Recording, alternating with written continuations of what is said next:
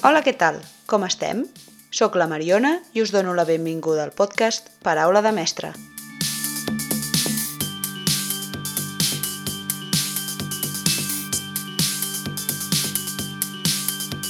A l'episodi d'avui tenim una convidada molt especial, la Maria.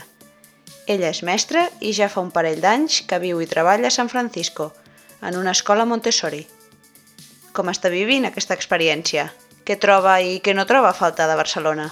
Parlem amb ella de l'escola, de la metodologia Montessori i del seu dia a dia a una ciutat plena de contrastos. I atenció perquè també ens explicarà i desvetllarà un dels seus hobbies més recents. Comencem el capítol número 4. A San Francisco també s'hi menja fricandó.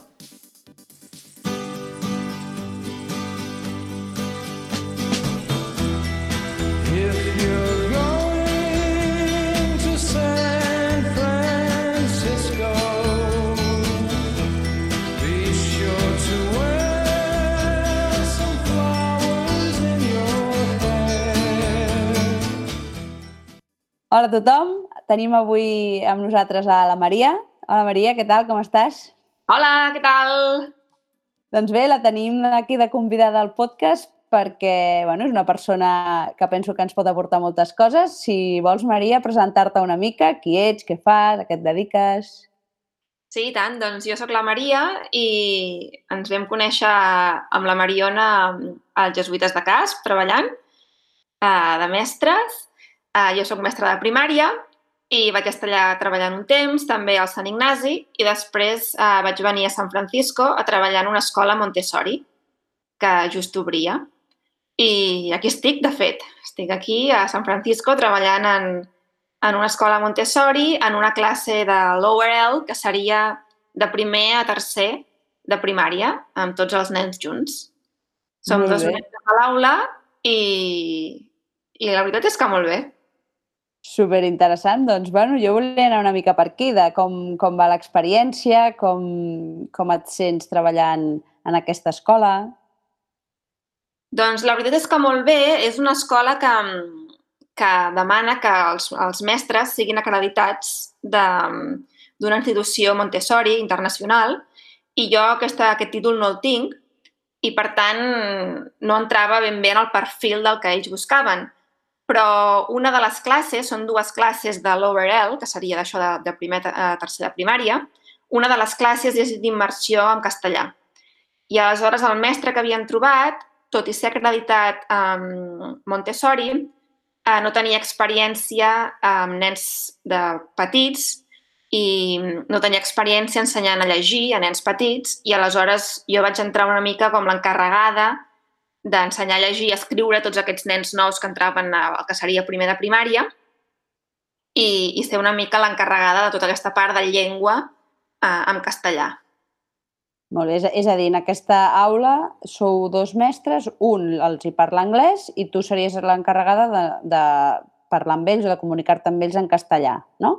No, no, ell també els hi parla en castellà i, de fet, totes les lessons, les, les mini lliçons que fa en grups, també les fa en castellà, és a dir, els nens tenen matemàtiques en castellà, ciències en castellà, tot, però ell no s'encarrega de fer res de llengua. Doncs Ah, les, la part de llengua, com si diguéssim, aquesta la faig jo. Molt bé. O sigui, tu fas les lessons en, en, de llengua, d'aprenentatge de la lectura i escriptura. Exacte. I aquest any hem introduït també, a partir de tercer, sobretot, la part de l'anglès. O sigui que també faig aleshores la llengua, tant lectura com escriptura, en anglès, a partir de tercer. Molt bé. I així, en, en una mica resum, perquè òbviament és, un, és, és molt extens d'explicar, però si ens podries fer cinc cèntims de en què consisteix la metodologia Montessori, així curtet. Sí, i tant. doncs, um, bueno, ho intentaré.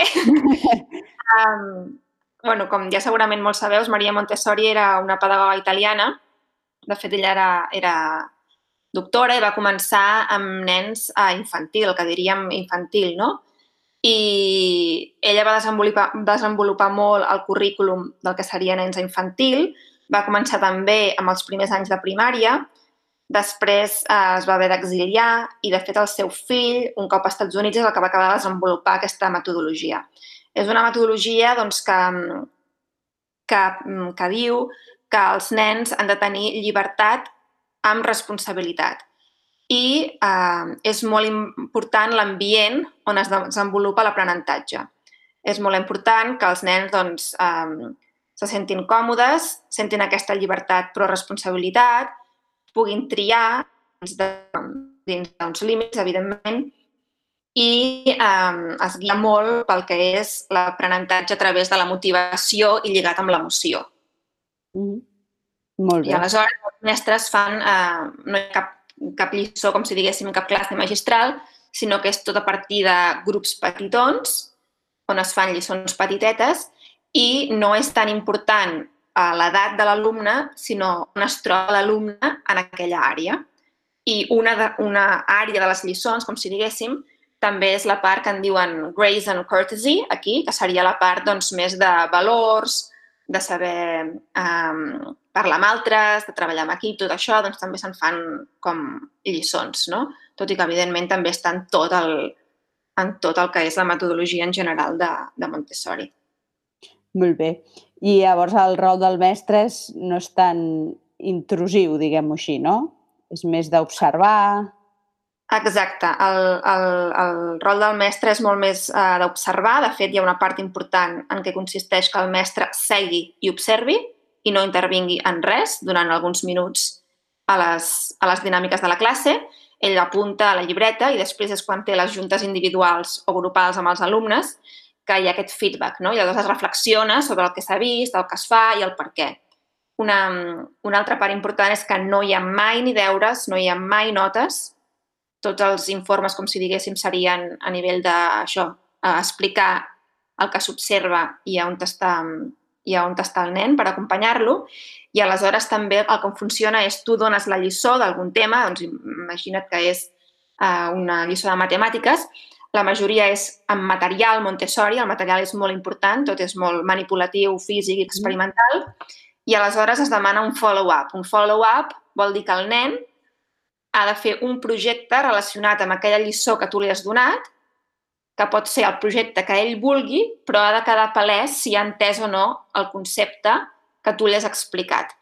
Aleshores, això ell ho pot fer a nivell individual o grupal, amb altres alumnes, té una due date, una data on ha d'entregar aquest projecte, que és el follow-up, i aleshores quan entrega el projecte el mestre i l'explica, el mestre veu a on està aquell alumne, és a dir, si ha entès, per exemple, els conceptes o no. I aleshores, a partir d'aquí, el mestre doncs, pot tirar endavant o tornar a reforçar aquell concepte. I, evidentment, hi ha alguns conceptes que serien més de matemàtiques i llengua, on el nen um, ha de practicar gairebé diàriament.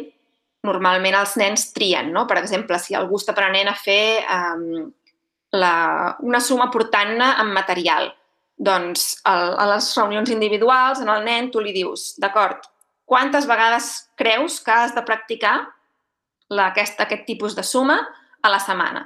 I el nen, per exemple, diu només tres, perquè no en té ganes no, de fer-ho, i tu el deixes practicar només tres vegades a la setmana i al final dius, com et va? Te'n surts? Veus que això és fàcil? Te'n surts bé? I si el nen diu, ostres, encara em costa, diu, creus que aleshores potser has de canviar alguna cosa per la setmana que ve? Creus que potser has de um, fer-ne més, has de fer-ne menys?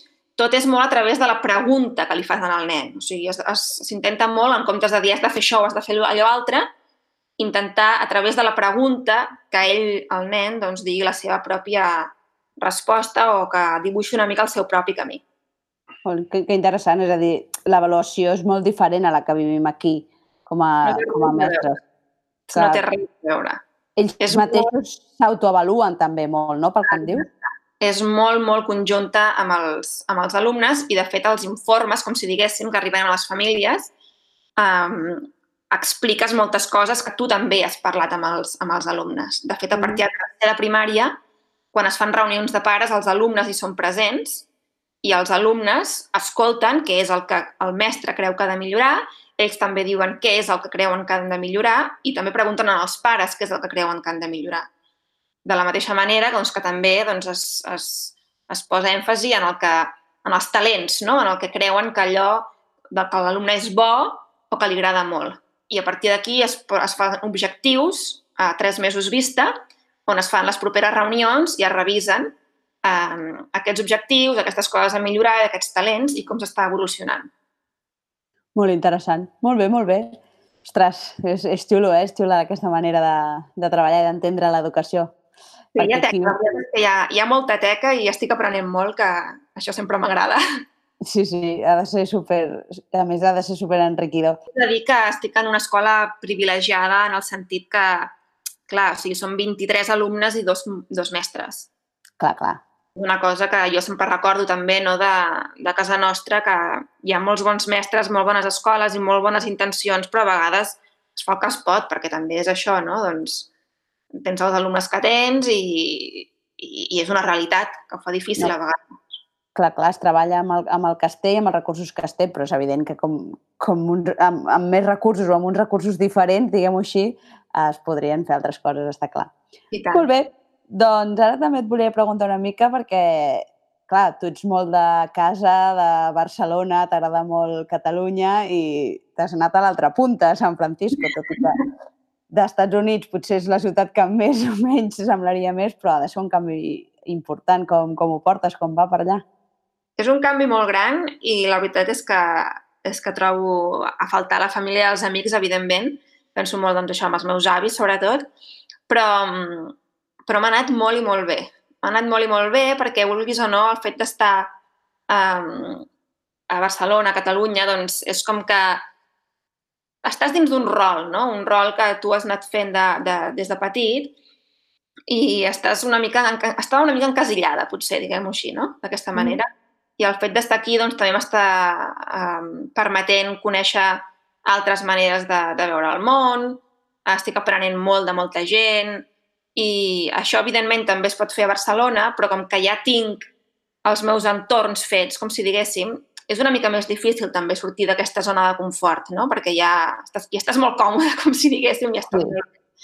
I el, el repte de venir aquí, doncs, per una part és això, un repte que pot ser difícil, i, però per altra part doncs, també et dona altres oportunitats i et permet fer moltes altres coses. No? I això doncs, és, és el que més m'agrada potser de- d'estar aquí, tot i que evidentment si estigués una mica més a prop ho agrairia moltíssim. Perquè, per exemple, ara mateix tinc un mono d'anar a casa a Barcelona, com si diguéssim, que, que no me l'aguanto, no? Però, en general, és una, vull dir, estic molt contenta i, i, i m'agrada molt estar aquí, la veritat. Tres horetes de vol seria ideal, no? En comptes de, de nou. O no és a Nova York, jo crec que estaria encantada. Bueno, bueno, ànim, però, però sí, se't veu molt contenta.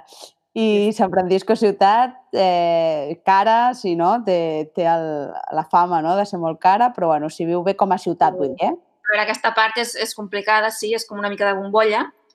Uh, I com totes les ciutats, doncs hi ha coses que m'agraden i coses que no m'agraden.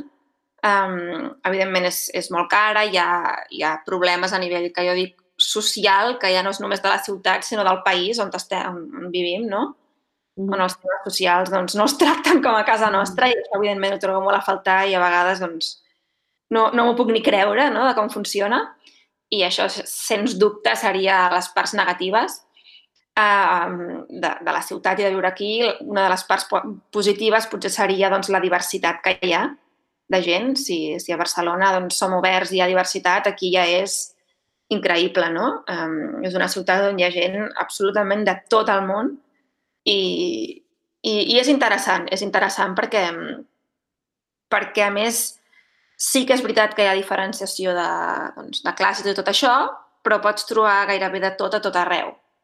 És a dir, doncs hi ha gent d'això, que ve de, de tot arreu del món i que em trobo a dins del meu entorn, com si diguéssim, no? A Clar, Barcelona potser també que els pots trobar, però ja no en el teu entorn. També és una mica relacionat amb el que et deia, no? També és un entorn que ens ve donat, perquè hem nascut allà, hem crescut allà i, per tant, doncs, és el que tenim. sí, no tens tant marge de maniobra, diguem-ho així. Sí, exacte. Ens costaria més no sortir d'aquesta Sí. zona de confort per anar a buscar Sí, coses diferents. I bueno, ja per acabar el tema San Francisco, com portes el no tenir el teu pa amb tomàquet i embotit? Mira, això és del que m'està costant més i l'any que vaig estar aquí, any i mig, que estava sense el Gonzalo, la veritat és que ho vaig patir molt. Ara tinc la sort increïble de que el Gonzalo està aquí i és un cuinetes i aleshores fa tot i més, o sigui, fa des de fricandó a lasanya, a croquetes, a canelons, Oh, No em puc queixar gens ni mica i estic encantada. ostres, un fricandó ja el voldré jo i estic a Barcelona, eh? Exacte, o sigui, encantada. L'únic que no m'ha aconseguit és una bona botifarra. Ai, sí, ja em vas dir, no?, que una salxitxa italiana com a molt així, no? Exacte. Quan la matèria primera ja no hi és, doncs ja es fa tot difícil. Però a part d'això, tota la resta que hem trobat matèria primera, com si diguéssim, bona, el Gonzalo ho fa tot i Molt bé, que guai. Doncs, i, i ja posats una mica més en l'actualitat, eh, el tema coronavirus sé, que afecta molt més a Nova York, a, a la part eh, de l'altra banda del país, diguem-ho, però, però bueno, com ho esteu vivint des d'allà? Perquè és heavy les morts i els casos que estan sortint. Sí, a veure, aquí a San Francisco les escoles es van tancar el 13 de març ja, o sigui, el 13 de març no a l'escola. També és veritat que San Francisco i la Bay Area és una àrea on per la majoria de gent és relativament fàcil treballar des de casa, o sigui que eh, molta gent va poder anar a treballar a casa. També és una àrea que, vulguis o no, no és tan densament poblada com ho és Nova York o, evidentment, també Barcelona i aleshores també fa molt més fàcil eh, que no hi hagi aquesta interacció tan propera. I els restaurants es van tancar, totes aquestes coses es van tancar i, de fet, a San Francisco eh, hi ha hagut durant tot aquest temps uns 20 i pico morts, o sigui, molt, molt poc en comparació a, a altres parts del país. Ara se'ns acaba el confinament el 3 de maig, no sé si s'allargarà, tot i que les escoles ja han dit que segurament no obriran fins a, fins a final de curs. I sí que estem tancats a casa també, eh, l'alcaldessa ho va dir ràpidament, molt, avi molt més aviat que altres estats o que el país en general, evidentment, però sí que és veritat que nosaltres podem sortir, podem sortir a passejar, a fer esport, a part d'anar a comprar eh, i a farmàcies i aquests llocs típics. El Gonzalo i jo hem fet molta, molta bondat i estem molt tancats perquè tenim molt presents les dades de Barcelona, no? I aleshores a vegades fem més el que es fa a Barcelona perquè ens sentim com més propers i a qui ens ha interessat de veritat és el que està passant a Barcelona, que és on tenim la gent que ens estimem, però aquí nosaltres tenim una mica més de llibertat en aquest sentit i, per tant, se'ns fa una mica més fàcil, diguem-ho així, que, que no pas a vosaltres. Que bé. Bé, bueno, ara a, a, estem gravant aquesta entrevista a dia 25 de- d'abril, si no m'equivoco, Mhm. i per sort, a partir de demà els nens ja poden sortir i, i crec que també ara estan començant a, a dir ja, que la gent ja pot... O sigui, la, la desescalada i el desconfinament està començant a aparèixer, però bueno, suposo que encara tardarem un, un parell de setmanes, però bé, comencem a veure la llum, tot i que serà llarg. Sí. Bueno, a veure si poc a poc es va aconseguint. Molt bé. I bueno, també et volia preguntar per, per un tema que bueno, a mi m'agrada molt i et segueixo molt, el tema artístic, que des de que vas anar a San Francisco t'has començat a, a posar molt amb el, amb el dibuix i la veritat és que a mi m'encanta. Ja us, ja us posaré el seu compte, però bueno, simplement volia saber com va venir això, si sempre ho hauries volgut fer o, mira, va ser perquè sí. Ai, mira, gràcies. Doncs uh, vaig començar a Barcelona, de fet. Vaig començar l'últim any que vaig estar vivint a Barcelona, que va ser un any més difícil per mi i, i estava més, tenia més ansietat i tenia molts mals moments. I no sé per què, que allò un dia em vaig posar a pintar i dibuixar i, i em va relaxar, em va anar bé. I simplement pel fet de que vaig veure que, que m'anava bé, vaig seguir, vaig continuar pintant, dibuixant. T'haig de dir que mai he tingut massa gràcia, ni pintant ni dibuixant. De fet, a l'escola eh, sempre tenia la sort de que, de que la Sílvia, la, la meva gran amiga, era molt bona amb això i m'ajudava. O sigui que mai m'hi havia hagut d'esforçar massa. Però pel fet de que em relaxés, doncs m'hi vaig posar i després el, el Gonzalo em va regalar un iPad, que aleshores em vaig poder descarregar el Procreate, que és un programa per pintar digitalment, així Mhm. que no, no necessitava tampoc molts estris i, i no havia d'anar carregada amunt i avall. I, I mira, doncs això, tenint el temps aquí, potser també a la- a l'arribar, ja saps que tampoc sóc la persona més extrovertida del món, així que a l'arribar a Sant Francisco Claro. també m'anava bé, Sí, tenia el home, meu sí, sí que t'agrada, veritat. I, i vaig anar fent, vaig anar fent, i, i la veritat és que m'agrada molt. M'agrada molt i també vaig millorant, que també sempre fa il·lusió, no?, veure que vas millorant. I, i mira, a poc a poc. Molt bé. Jo us haig de dir que ja no és per peloteo ni perquè sigui una persona especial, la Maria, però la veritat, eh? eh ara us posaré aquí a les notes del, del podcast el seu Instagram d'aquesta part que té de, on penja els dibuixos. Són una passada i, i us encantaran, ja la podeu seguir. T'haig de dir que et felicito perquè m'encanten, ja ho saps. I bueno, i algun cop ja he penjat alguna coseta. Sí, gràcies, Mariona. No, és veritat.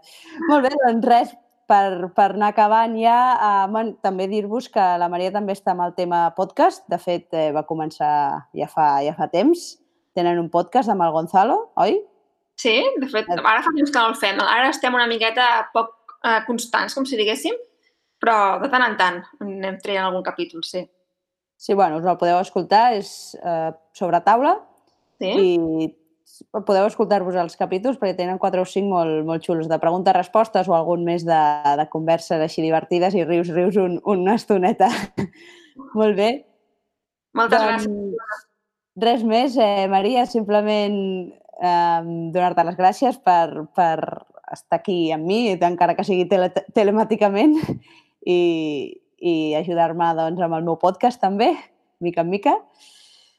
I res més, gràcies per la teva aportació. No sé si vols dir alguna cosa a l'audiència, aquesta tan gran que tinc. No res, que moltíssimes gràcies i que escoltar paraula de mestre aquí endavant amb el podcast. Moltes gràcies. Pues una abraçada ben forta. Una abraçada, adeu! Adeu. Fins aquí l'episodi d'avui. Espero que us hagi agradat l'entrevista amb la Maria. Ens ha dit un munt de coses molt interessants, la veritat. I com us he dit abans, us deixo escrit a les notes del capítol el seu compte d'Instagram i el seu podcast. Gràcies, Maria. I ja sabeu, si em voleu proposar algun tema, fer una valoració o simplement em voleu criticar, sentiu-vos lliures de deixar-me un comentari. I també us podeu subscriure al podcast o fer-me una valoració amb moltes estrelletes. Com més siguem, més riurem. Molts ànims amb el confinament, quedeu-vos a casa, menys per sortir a passejar amb els nens, una horeta i amb cap, eh? I moveu-vos també una miqueta. Vinga, que demà ja podem sortir a córrer, però no gaire lluny, eh? Abraçada!